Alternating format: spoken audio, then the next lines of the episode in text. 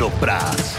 Hallo en welkom bij Paddock Praat, de podcast van Formule 1 Magazine. Mijn naam is Sjaak Willems en aan tafel heb ik twee collega's, Mike Mulder, Daan de Geus en onze nou ja, huisanalist zo langzamerhand uh, Jeroen Blekemolen. Welkom allemaal. We gaan het hebben over de Grand Prix van Singapore. Een weekend dat eigenlijk bol stond van uh, groot nieuws, gekke incidenten, een wolkbreuk en een wedstrijdleider die er nog even zijn moment pakte na de race. Dat gaan we allemaal bespreken. Dat doen we voor het gemak maar even chronologisch, jongens. Um, de donderdag begon met het, uh, nou ja, het bommetje van uh, Automotor Sport en La Gazzetta dello Sport. Zij melden dat Red Bull en Aston Martin de budgetcap uh, vorig jaar zouden hebben overschreden. En dat Red Bull dat mogelijk met een, een miljoen of zeven zou hebben gedaan. En ja, de VIA die houdt de kaken stevig op elkaar. Het is nu maandag, woensdag zouden de uitsluitsel moeten komen. Hè. De, de, nou, de, de conclusie van hun uh, rapport van hun, uh, ja, hoe zeg je dat, hun audit, zeg je dat in het Engels, dat is een... Ja, een boek, boekhoudkundig onderzoek. Ja, ja, Ze krijgen een soort certificaat als het goed is.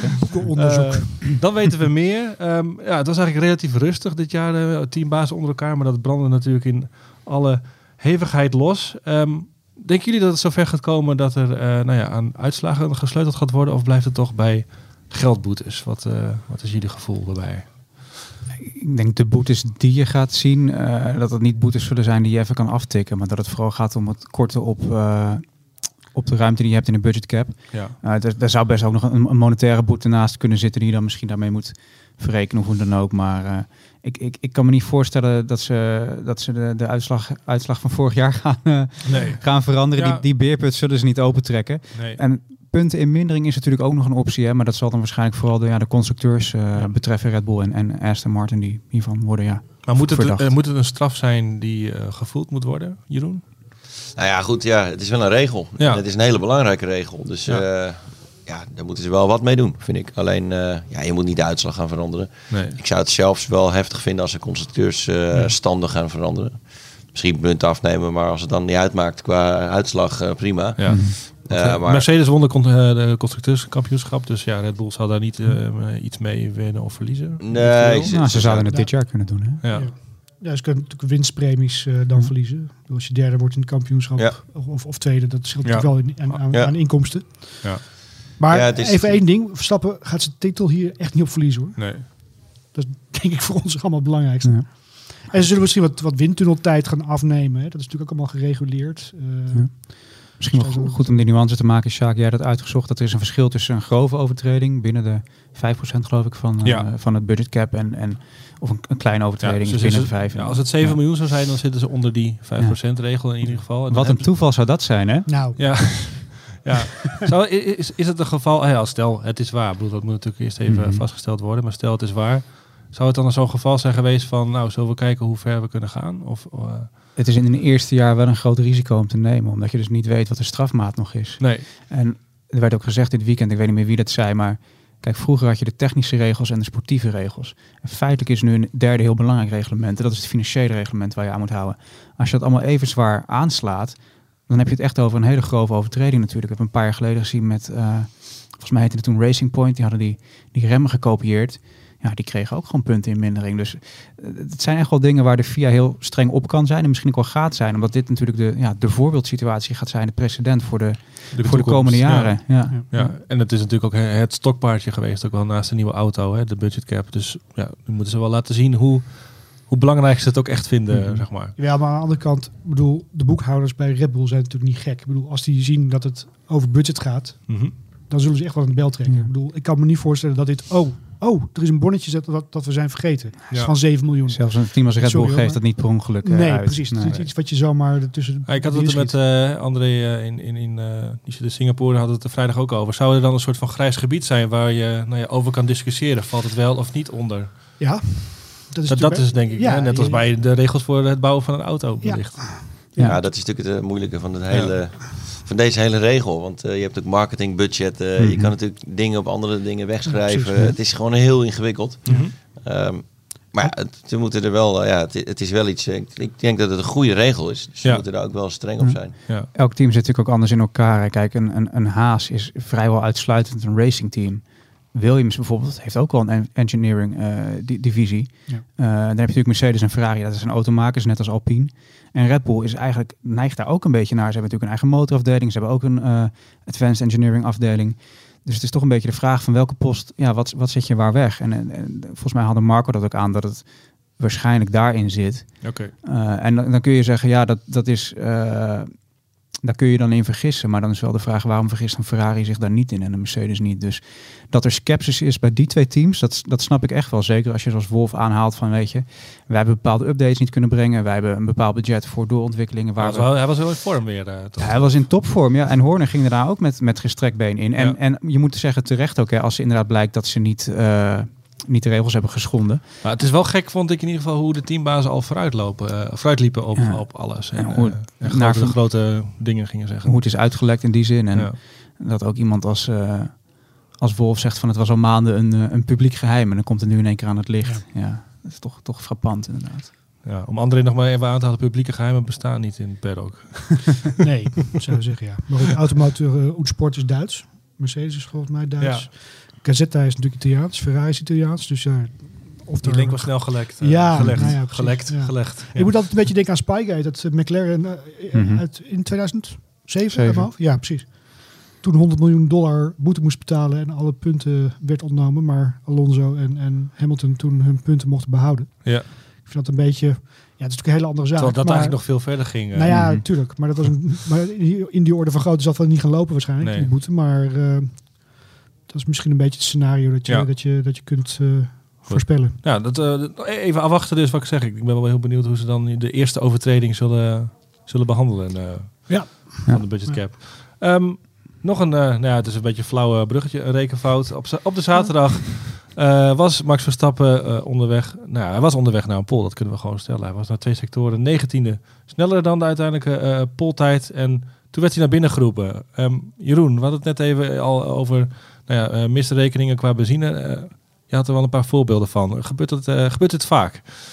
Nou ja, het mag eigenlijk niet gebeuren in de Formule 1. Nee. Want het is vrij overzichtelijk. Je weet ongeveer wat je verbruikt. Dan nou was het nu moeilijker omdat het natuurlijk nat was. misschien lag het tempo wat hoger. Ehm, dus dan kun je een foutje maken, maar dat kun je ook gaandeweg zo'n sessie al berekenen. En dan kun je ook zeggen, misschien wat eerder in de sessie, je weet het wordt steeds sneller, geef even een rondje op, spaar even één rondje echt serieus benzine. Mhm. Want dan ga je het wel halen die laatste ronde. En dan hadden ze niet twee rondjes af moeten breken. Je had dan in ieder geval één van die twee ronden gewoon uh, goed geweest. Dus ze hebben daar echt wel stomme fouten gemaakt. Maar kan het, verbruik, kan het verbruik zo snel veranderen dat je daar nou ja, binnen een paar rondjes uh, dat dus dan achterkomt dat je het niet gaat halen? Kan dat zo snel gaan? Nou, als het opdroogt ga je natuurlijk meer benzine verbruiken. Maar uh, dan nog steeds kun je dat wel een beetje inschatten. Want het droogde niet heel snel op ook trouwens. Uh, dat was een, een hele gekke, een gekke kwalificatie wat dat betreft. Een uur lang was het half nat eigenlijk. Ja. Uh, je zei net ook, hè, je had een paar voorbeelden van, uh, nou ja, tijdens in lange afstandsraces gebeurt het wel eens dat het.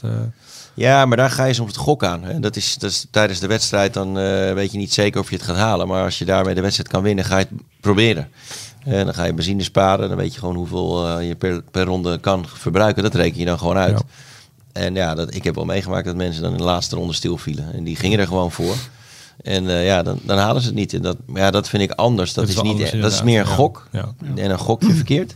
En dit is echt een fout. Ja, ja en terecht ook dat nou ja, Verstappen... Ik heb hem volgens mij nog nooit zo boos gezien na, na een dergelijk iets. Lang geleden. in ieder geval lang geleden. Singapore ja. geloof ik, hè? Carlos Sainz. No! nou, dat, ja. Toen was je ook redelijk vist over het feit dat hij Carlos Sainz bij Toro Rosso voorbij moest laten. Nou, ik denk tussendoor nog wel wat incidentjes geweest zijn. Ja, natuurlijk. Zeker, zeker dit jaar hebben we hem eigenlijk niet zo, uh, niet zo gezien. En zelfs de debrief uh, geskipt, zei André. Dus ja, ik snap, ik snap zijn woede wel, want je ziet ook gewoon hoe het, ja, daar zullen we het straks over hebben, hoe het gewoon het hele weekend. Uh, ja, laten we gewoon nu het weekend uh, pakken uh, aan zich van, van, van stappen. Dus ga, ga door. Nee, want dat zei hij zelf ook, weet je. dan sta je in het middenveld en kom je in het, in het gedrang. Want hij, hij startte ook nog eens slecht natuurlijk. Auto ging in, in, in de antistol. Volgens mij lag hij twaalfde na de eerste doorkomst. Nou, dan kom je Kevin Magnussen tegen. Dat is op een vrijdagavond in Kopenhagen denk ik heel gezellig. Maar op het circuit in Singapore wat minder. Want je weet dat het dan ja, hard tegen hard gaat. Ja. En ehm, ja, eigenlijk reed hij daarna wel een, een, soort van gestage inhaalrace. Maar hij zei van tevoren al, inhalen is heel moeilijk. Nou, dat, werd weer bewezen, zeker met... Uh, Jeroen kan er denk ik straks meer over uitleggen. Maar dat je feitelijk natuurlijk maar één, één droge lijn hebt. En dat het daarna, daarnaast heel erg uh, glibber is. En dat zag je ook met die actie op Norris. Waardoor eigenlijk uh, ja, zijn harde werk weer ongedaan was. En uiteindelijk hard moeten werken voor uh, één plekje winst. Uh, Zevende plek aan het eind. Ja. want als, als het donker is en nat, Jeroen, hoe zie je dan waar uh, de droge lijn is? Hoe, hoe, hoe, bepaal je dat? Ja, normaal zie je het wel goed, maar op dit circuit met het kunstlicht... Dat is toch, vooral het kunstlicht, ja. toch wel lastig. Dan moet ik zeggen, als wij bijvoorbeeld op Le Mans rijden in het donker... dan is het ook moeilijk te zien hoor, of het echt nat is. Dan weet je, als het echt helemaal nat is, van, nou ja, dat zie je natuurlijk wel. Je ziet het spray, maar als het zo half-half is ja, dan zie je dat ook heel lastig. Dus ik kan me heel goed voorstellen dat dat qua rijden heel moeilijk is. Maar het is inderdaad één droge lijn. En dan is inhalen ook uh, eigenlijk bijna niet te doen. Want als je, als je wil inhalen moet je van de lijn af. Ja. En daar is het gewoon nat. Ja, want het, was, het bleef glibberig. En uh, uh, we grapten er wel over van Latifi en Tsunoda. Verwacht je misschien dat ze, dat ze in de fout gaan. Maar ook Hamilton en Verstappen verkeken zich dus... ja, op die omstandigheden. Het, het gebeurde natuurlijk gewoon snel. En daarin was het eigenlijk wel knap van Perez en Leclerc, dat die gewoon uh, toch wel een soort van foutloos gereden hebben. Uh, en echt aan het pushen waren. Zeker op het einde zag je dat ze wel kleine foutjes maakten, maar nooit grote fouten. Dus dat was uh, van die twee wel heel goed. Ja. Kon je echt, je, je, je analyseert dan de race bij uh, NOS voor de radio. Kun je, heb je ook echt kunnen genieten van deze race? Aangezien het natuurlijk een lange zit in de eerste. Echte hele harde gevechten hebben we misschien niet gezien. Nee, dat miste ik een beetje. Ja. Ik zat eigenlijk, ik heb denk ik mooiere races gezien, omdat je inderdaad dan, omdat het mhm. spannender was qua gevechten. Ja. En nu had ik wel elke keer de hoop van, oké, er is weer een safety car, virtual safety car, safety Wat gaat er nu gebeuren? Ja. Nu kan je misschien iets doen, of nu kan Verstappen misschien toch nog naar voren komen. Dus daar zat je een beetje op te hopen, maar het lastige was dat het gewoon duidelijk was dat er maar één kantelpunt zou komen van ja. intermediate. Ja, al die safety car periodes en niemand ging naar binnen. Mhm. Nee, dat, was gewoon te vroeg. Ja. Uh, dat zag je. Uh, Russell heeft dat, uh, die is natuurlijk vroeg naar de slicks gegaan, maar ja, aan hem kon je daar heel goed zien. Uh, ja, dat het gewoon te vroeg was. Maar je, zag, je zag ook gewoon dat het een soort waiting game was met Leclerc die op een gegeven moment die undercut probeert te maken. Dat je denkt van ja, logischerwijs, jij zegt het hier vaak aan tafel. Ja, strategie is ook gewoon logica. Die baan wordt alleen maar droger. Dus hoe eerder je die stop maakt, hoe lastiger het eigenlijk is om, om, om die tijd te winnen. Zeker met het opwarmen van die banden. En bij Perez gingen ze ook niet van de cliff af of zo. Dus het was, was echt gewoon een gok van Ferrari weer wat dat betreft. Ja, nou, dat is wel een lang, echt langzame pitstop natuurlijk. Anders hadden ze misschien nog wel kans gehad. Maar ja. het is inderdaad waar, die outlap is gewoon heel moeilijk op die slik. Of het moet, je bent nog aan het zoeken naar, naar sowieso de temperatuur, maar ook naar de, de juiste rempunten, lijnen. Dus je bent de eerste ronde gewoon te langzaam nog. Ehm, dus ja, als je eerder naar binnen gaat, verlies je meestal wat tijd. Ja. Mike, heb jij nog kunnen genieten van de... Ja, zeker. Ja, natuurlijk. Nou ja, god. Wat je zegt, bedoel, je, je krijgt wat weinig uh, waar voor je geld. Je krijgt drie uur waar voor je geld. Ik heb heel erg genoten van, van McLaren bijvoorbeeld. Van, van Norris en, en vooral Daniel Ricciardo die uh, keurig naar voren reed. Vijfde mm -hmm. werd. Dus nee, uh, ik vond het wel verfrissend eigenlijk. En Perez, ja, nou ja, goed, ik, ik noemde het al in het blad. Eh, straatvechter. Volgens mij is die, term wel vaker genoemd. Maar eh, wa waanzinnige overwinning voor hem. Echt uh, mega prestatie. Hij kon het goed gebruiken. Ja, en nou ja, uh, ik had ook nog even een sneer uit naar uh, nou ja, onze, onze pers. onze journalisten. Hij vindt dat hij zich toch te hard is aangepakt de afgelopen tijd. Ja, nee, Vind je dat... Kun je dat een beetje uh, voorstellen, Daan? Moet hij harder rijden. Ja, precies. Ja. Het is niet zo, ja, ik bedoel, ik denk dat als je terugkijkt, dat hij zelf ook niet tevreden kan zijn over nee. die periode. En, en, nu weet je, een straatcircuit is hij goed in. Ja. Hij is op zich meestal wel goed in de regen. In die wisselvallige omstandigheden ertussenin vind ik hem wat minder. Dan zag je dat Leclerc ook uh, echt aan het pushen was, echt dichterbij kwam. Weet je, niet om lullig te doen naar Perez, maar hij wint natuurlijk ook gewoon dat die Red Bull een dominante auto is. Ook in Singapore weer. Maar hij heeft het wel heel goed, uh, gewoon heel goed uitgevoerd eigenlijk geen, geen, geen fout gemaakt. Behalve misschien bij de, bij de safety cars dat hij wat... Uh, ja, da daarover gesproken. Hè, dus hij voor tot twee keer toe uh, in de fout gegaan volgens uh, de wedstrijdleiding. Voor de eerste werd hij dan niet bestraft, maar voor de tweede wel. Jeroen, de regels zijn in, in jouw raceklasse iets anders dan bij de Formule 1 geloof ik hè? Ja, we hebben niet echt een vaste maatstaaf van zoveel afstand. Nee. Formule 1 dan 10 auto's. Um, ik vond het excuus van uh, Perez een beetje zwak. Want hij zei dat hij op sommige plekken moeite had om de safety car bij te halen. Ja. no way, onmogelijk. Weet je, dat, je bent zoveel sneller dan die safety Het is een snelle Mercedes, maar... Ja, nee, dat, dat, gaat niet. Dus, dus dat is gewoon... Uh, maar goed, het is wel een heel Maar waarom zou hij het dan doen eigenlijk? Uh, waarom zou hij um, ja, dat vind ik wel apart, ja. ja. ja. dat, je ziet soms mensen rare dingen doen tijdens de safety Is het onervarenheid van hem dat, om in die situatie te komen? Ik bedoel, een Hamilton of een Verstappen, die ja, zijn het vaker is uh, dat je daarna weer wat harder kan rijden. Want ja. er is natuurlijk te klagen dat ze te langzaam reden. Ja. En dat je toch wat meer temperatuur krijgt. Dus misschien dat hij een beetje een yo-yo effect heeft. nou ja, dan kan ik af en toe een paar bochten wat meer uh, temperatuur creëren. Uh, maar ja, dat mag dus niet. Dus dat is op zich ook wel weer logisch. Nee. Um, het is natuurlijk ook wel fair eigenlijk. Hè, dat, kijk, hij, iedereen moet achter hem blijven. Dus iedereen rijdt kort op elkaar. En hij moet gewoon achter de safety car blijven. Anders zou hij een enorm voordeel hebben. Dat, ja, ja. zeker. En dat is ook voor iedereen gelijk dan. Als hij er gewoon achter blijft. niemand mag een groot gat laten vallen. Dus dan ja, kun je je banden ook niet opwarmen. Ehm, ja, hij, hij, was het gewoon uh, niet mee eens met de snelheid van de safety car. Maar, maar, met andere woorden, die, die safety car die was gewoon te langzaam, niet te snel in sommige stukken. Ik vond het wel mooi dat hij nog op een gegeven moment ernaast ging rijden en een beetje van die handgebaren maken. Ik denk verder. Ik dacht ook eerst dat het onderzoek daarvoor was. dat hij dus bij, nou ja, zo goed als naast de auto de safety car aan het rijden was. Ja, dat zijn natuurlijk dingen die we ik weet zeker dat hij als kind naar de wedstrijd heeft gekeken van Schumacher, die dat wel eens deed. En Senna uiteindelijk, en net, net, voordat hij uh, crashte. Mm -hmm. dus, ja, dat was een Opel Vectra, weet ik nog. Die op, Imola, maar dat te zeiden. Was het niet een Fiat? En dat was een Opel Vectra. Ik dacht dan een Renault. Maar Oeh. een oude Renault, ja, of zo. In, in, Argentinië had je die, had je een Renault Clio volgens mij. ja, of een Twingo. in Brazilië had je die Fiat. Daar is hij toen mee, mee toen, toen hij zo in elkaar zeeg, uh, zei daar zo vermoeid was naar de race, is toen in die Fiat safety car was het een van de vier typo of zo. Tijden zijn veranderd. anyway. ik, kreeg heel erg zin om het niet op te zoeken, maar laten Opel Vectra. Weten we de eerste safety car nog? Ja, Porsche 914. Ja. Oké, dat gaat wel heel ver weer. Maar uh, Daan, leg eens uit. Hij had dus twee overtredingen. Waarom werd hij dan voor de ene wel en de andere niet bestraft eigenlijk?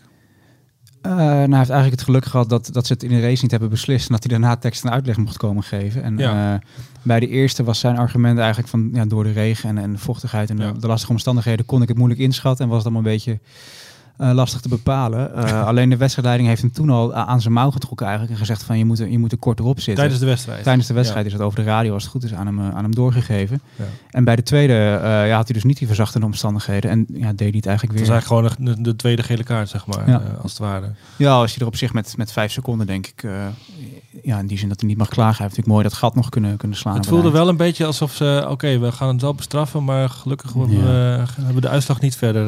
Nee. Dat, dat gevoel kreeg je er wel een beetje bij. Ja, Abu Dhabi en budget cap gate. Ja. ja, precies. Nou, maar het leuke is dat hij daar wel er nog voor gereden heeft. Hè? Want het werd natuurlijk mhm. tegen Leclerc gezegd en tegen hem gezegd. En uh, je weet gewoon, ik moet proberen vijf seconden of meer te hebben. En uh, ja, daar, daarmee heeft hij nog meer verdiend gewonnen, denk ik. Ja. Dan kwam ook de ware snelheid misschien wat meer nog naar boven. Ja, ik verbaasde hem echt enorm dat hij dat, dat, dat komt. Ja. Ja. banden waren er ook aan, zei hij. Maar, maar hoe, hoe, zie jij dat, Jeroen? Want in de F1 is dit eigenlijk heel normaal. Dat dan na de race dat het nog uren duurt voor je de echte uitslag Het is toch niet normaal eigenlijk? In, in Amerika zijn ze er vaak veel, veel sneller in, toch? Als... Ja, zeker. Hm. De, de wedstrijdleider is gewoon de baas. En dat is vaak gewoon één man. Dat handje klappen inderdaad. En uh, die zegt gewoon, uh, dit is het. Ja. En dan kun je uh, de, na de race heel boos zijn op hem. Maar dan zegt hij ook, kom maar langs praten. En, uh, en dan is het weer opgelost voor de mhm. volgende race. Maar, dat, dat, praten, dat kom maar langs praten is nadat hij al ja, zijn oordeel heeft geveld. Ja, dus niet, kom maar langs praten en dan gaan we eens kijken wat nee, voor straf nee, hierop dan, komt te staan. Mag je je mening wel, uh, dat vindt hij fijn. Die geeft gewoon zijn telefoonnummer aan alle rijders, teams mhm. en zo. En dan kun je gewoon overleggen. Ja, het, uh, ja dat is een hele andere autoriteit. Maar daar, daar wordt zeker niet na de race nog in één keer van alles gedaan. Alleen natuurlijk technische dingen, dat wel. Maar, ja, uiteraard. Maar het is toch ook voor, voor een sport die het zo belangrijk vindt nu op dit moment hoe, nou ja, uh, Hoe, hoe, ze ontvangen worden, dat je dan twee uur lang, bijna twee, uur, lang nog twee uur en veertig minuten heeft het geduurd. En ze hebben een VAR tegenwoordig. Ja. Ja, ja. Dus. Is, die al, is die dan nog niet actief of zo? Of? Jawel, die, die, die, die, die zit volgens mij in, uh, in Zwitserland gewoon. In Zeist? in Zeist, ja. ja is, is een busje net buiten het circuit misschien. Ja, nee, maar die, dat wordt wel gebruikt nu. Dus ja. je vraagt je toch af hoe het dan zo, zo lang moet duren. Zeker zo'n zo'n eerste vergrijp van Perez. Dat was volgens mij was dat in ronde 10, 11 of 12 of zo. Ja, ja. ja. Toch bizar. Ja. En ja, als je dan ook nog ziet, alles wat Perez gezegd heeft, wordt eigenlijk nog min of meer van tafel geveegd. Uh, als je die, die, uh, die argumentatie zo terugleest. Dus ja, wat is dan nog de toegevoegde waarde daarvan geweest? Um, laten we vooruitkijken naar Japan. Daar uh, was het afgelopen weekend mooi weer, Daan, zei je net. Mm -hmm. komend weekend, voor vrijdag en zondag, zien we alweer wolkjes, regen, hoge percentages staan. Je, Jeroen, je vertelde net dat jij hebt daar ook gereden in het verleden één keer, zei je? Ja. In de regen? Ook in de training in de regen. En de kan dat spoken? droog. Ja, nou, ik had toen een uh, tyfoon. Oké. Okay, ja. afkwam de dag eigenlijk voordat we begonnen. Toen kon je ook echt niet rijden. Nee. Het was gelukkig ook niet de trainingsdag. Maar niet normaal, want dat heb je daar best wel vaak. Ja. Um, maar ja, daarna regent het nog steeds uh, behoorlijk, ja. Ja, de laatste editie werd volgens mij ook uh, omgegooid. We gingen op zondagochtend kwalificeren, hè? Met, ja. Dat was ook een tyfoon. Ja, ja, je hebt het heel vaak daar. Dat is ja, een beetje, hoort een beetje bij zijn zoeken. Ja, het is wel een echte liefhebbersbaan uh, onder, onder coureurs. Ja, het is heel snel. Het is een hele mooie flow in eigenlijk. Ja, als je, zoals die eerste bocht is al mooi, best wel snel, maar daarna natuurlijk al die S's en die heuvel op. het is natuurlijk heel apart dat het een soort acht is. Dat heb je ook nergens. Dus het gaat linksom en rechtsom eigenlijk. Ja. Dus nou, het, het heeft gewoon alles. Ja. Ehm, en het is nog wel echt zo'n oldschool circuit gewoon. En als je even kijkt naar de verhoudingen van uh, dit seizoen op uh, de type circuits, waar valt Suzuka dan onder en wat kunnen we dan verwachten, denk je? Op zich zou misschien Mercedes best nog wel oké kunnen gaan. Um, je hebt natuurlijk wel wat lange rechte stukken, dus daar zijn ze een nadeel, maar dat valt wel mee. Ja. Speelt het ook mee dat het dan heuvel op is? Dat dat ook, is dat ook een factor? Ja, dat, power? dat is natuurlijk altijd dan een nadeel als je wat minder power hebt. Dus verlies je mm. wat meer. Maar um, ja, normaal moet gewoon Red Bull daar echt wel sterk zijn. Maar de Ferrari is op dit moment natuurlijk ook gewoon echt een hele goede auto. Ja. Uh, ja, het zit gewoon nog steeds dicht bij elkaar tussen die, die drie inmiddels. Ja. En uh, nu hadden we een gek weekend. Singapore is natuurlijk ook een apart circuit. Uh, moeilijk te meten. En dan met het weer, met, met de regen erbij, zo heel lastig te zien. Maar um, ja, Verstappen was natuurlijk echt verschrikkelijk veel sneller in de kwalificatie. Eigenlijk. Ja. Uh, maar ja, dat is dan weer een opdrogende baan. Dus kun je daar wat uit afleiden. Dat is altijd lastig. Maar dat, zal ook het weer zo'n grote factor zijn uh, in Suzuka, denk ik. Ja. Daniel gaat er uh, heen dus. Mm -hmm. Ja, ik ga nog even twee dagen, ben twee dagen onderweg, geloof ik, zo'n beetje. Um, ja, ik, ik, ik, ik, sluit me wel bij Jeroen aan. Ik, ik moet zeggen, ik heb, ik heb iets meer het gevoel dat Red Bull daar wel echt gaat, uh, gaat bossen. Want uh, die auto is ook zo efficiënt. Weet je, wat je zegt, op die rechte stuk is dat natuurlijk een voordeel. Maar ze verliezen ook niet veel in de bochten. Uh, sterker nog, ze zijn er ook ijzersterk in. Nee. Als je ziet hoe snel ze van directie kunnen wisselen met die auto in die S-bochten, denk ik dat dat ook echt wel een, ja. Een groot pluspunt voor ze is. En ja, zeker als het regent, dan, dan, dan zet je toch al snel je geld op, op verstappen. Ja, ja de, permutaties voor het WK zijn natuurlijk uh, simpel. Hij moet acht punten meer dan Leclerc scoren. Dus dat uh, kans is toch best wel goed. de ja. snelste ronde is al... Uh, heb je het in eigen hand. Ja, ja heb je het in eigen hand. Oké. Okay. Mike? Ik denk dat het ook voor Honda heel erg uitkomt dat ze in Japan willen winnen. Dus ik denk dat Red Bull er alles aan gelegen is om, om, om in Japan te winnen voor het eigen publiek.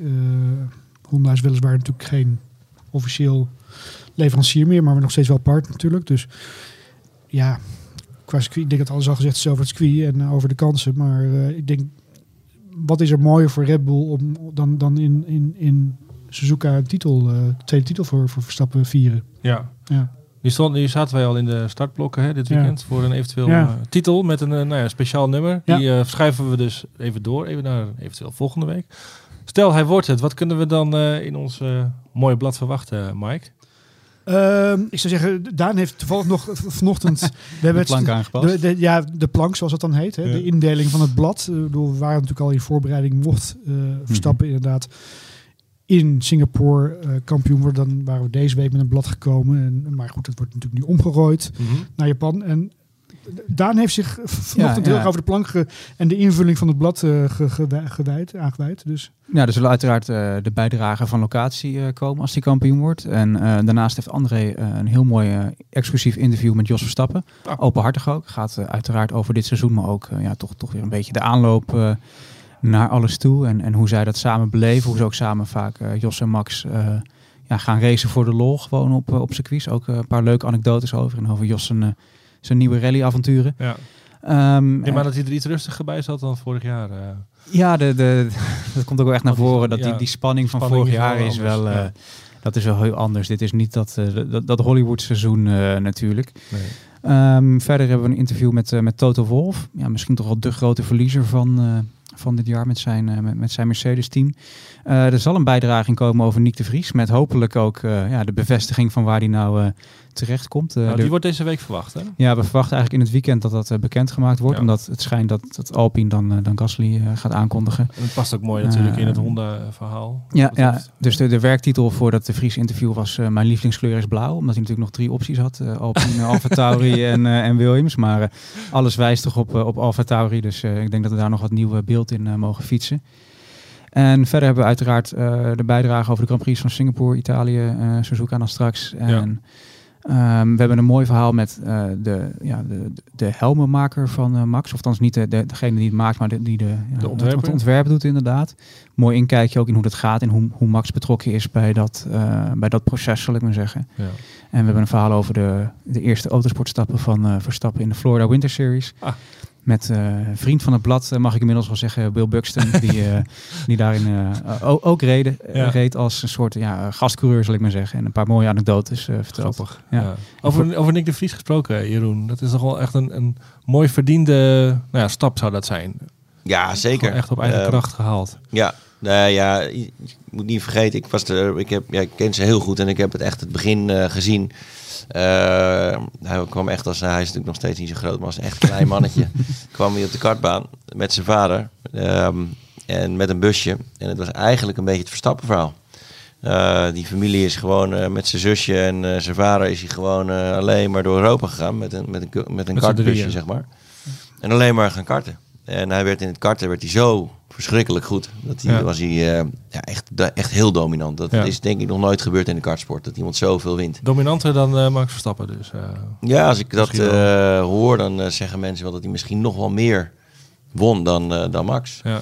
Ehm, en uiteindelijk, ja, toen ging hij racen. En natuurlijk, ook misschien, mensen zeggen wel, ze heeft er iets te lang over gedaan. Ja, daar, daar, kun je, daar kun je wat van vinden. Maar ja, uiteindelijk wint hij wel. Goed is goed, toch? Ja, ik denk wel dat hij gegroeid is nog. En ehm, uiteindelijk uh, ja, Formule 2 kampioen, Formule E kampioen. Dus dat zegt al genoeg. Maar ook uh, toen ik hem heb zien rijden in, uh, in het WEC. Ja, was hij belachelijk snel hè, met, ja. met de Jumbo-auto. Hij reed gewoon het hele veld zoek. En dat waren echt goede rijders. Dus ja. toen, toen zag ik wel van hij is echt van ja, een ander niveau dan even gemiddeld goed, zeg maar. hij zegt ook wel, dat heeft, heeft, hem ook wel heel erg geholpen in zijn ontwikkeling. Al die andere ervaringen, hè, buiten de, nou ja, de Formule 2 en, en Formule E om. Al die, al die klassen waar hij in heeft gereden. En het ook heel goed heeft gedaan. Dat hij daar ook echt beter van is geworden. Ja, en dat kan ik ook zelf wel beamen. Want dat zei Jan Lammers toen de tijd, uh, toen ik een beetje in die fase van mijn carrière zat, ook van je moet gewoon 24 uur races rijden van alles en nog wat. Want dan maak je zoveel mee. Je, je, je leert er gewoon zoveel van. Ja. ja gewoon de ervaring, hoe je met situaties omgaat. Mm -hmm.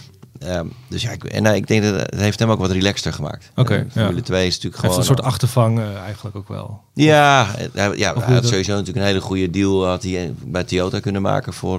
Of had hij eigenlijk al, voor, ja. voor Le Mans mm -hmm. en Beck. Maar ja, ik denk ook dat het, het is wat relaxter race. De druk is misschien iets minder. Hoewel er daar ook gewoon echt gekeken wordt op de laatste tiende van een seconde. Of je wel, maar jij zegt altijd, het zijn tegenwoordig ook sprintraces geworden. Ja, ja zeker. races. maar je hebt wat langere tijd. Ja, ja, dus, ja, ja. Uh, ja, de druk is gewoon iets minder, denk ik. Het is iets relaxter qua sfeer. En dat heeft denk ik ook goed gedaan dat je ook gewoon uh, ja, veel plezier maakt op zo'n circuit. Ja, het is toch wel, wel weer interessant of zo. Dat iemand die dan in de kartsport zo dominant is en dan niet. Dus jij, zal, jij zal er legio voorbeelden van, van weten, omdat je natuurlijk veel rondloopt in die wereld. Maar dat je dus dan toch niet die laatste stap. dat is, het is geen garantie in ieder geval als je het zo goed doet. Nee, we hebben wel echt grote talenten gehad uh, uit, uh, uit de kartsport in mijn tijd. Dat je, Manetti was een jongen die ook alles won, ja. Italiaan. En wat is die nu? Die, die ging Formule 3 rijden en dat was helemaal niks. Nee. Die reed gewoon middenveld. Ja. En je had uh, Foré, die is net gestopt met karten, maar die reed in die tijd ook al. Ja, die, die won ook alles, maar die ging uh, autoracen en dat ging gewoon niet. Nee. Maar goed, uh, Nick was, was wel snel in een auto. ja. dat, alleen hij werd niet meteen kampioen. Uh, in alles. Uh, hij is natuurlijk begonnen met Formule Renault. Uh, ja, sommige rijders werden dan meteen kampioen. Raikkonen, volgens mij werd hij wel meteen kampioen of net niet. Hamilton. Leclerc ja. is volgens mij altijd wel kampioen geweest. In ja, de, precies. klasse. Ja. Nou ja, goed. En Formule 2 heeft hij natuurlijk ook lang gedaan. Maar ja, dat was toen ook wel een, een, een hele goede generatie waar hij ja. tegen reed. Echt snelle jongens. Mm -hmm. En ja, daar deed hij ook niet echt voor onder natuurlijk nee. toen al. Misschien zit je dan net niet bij het goede team. Nou, alles bij elkaar kan het ervoor zorgen dat je dan net niet wint. Maar uiteindelijk ja. heeft hij het afgemaakt. Toch meerdere wegen die naar... Uh, nou, Milton Keynes rijden. Leiden. Of ja, even Faenza, moet ik zeggen. Ja. Ja.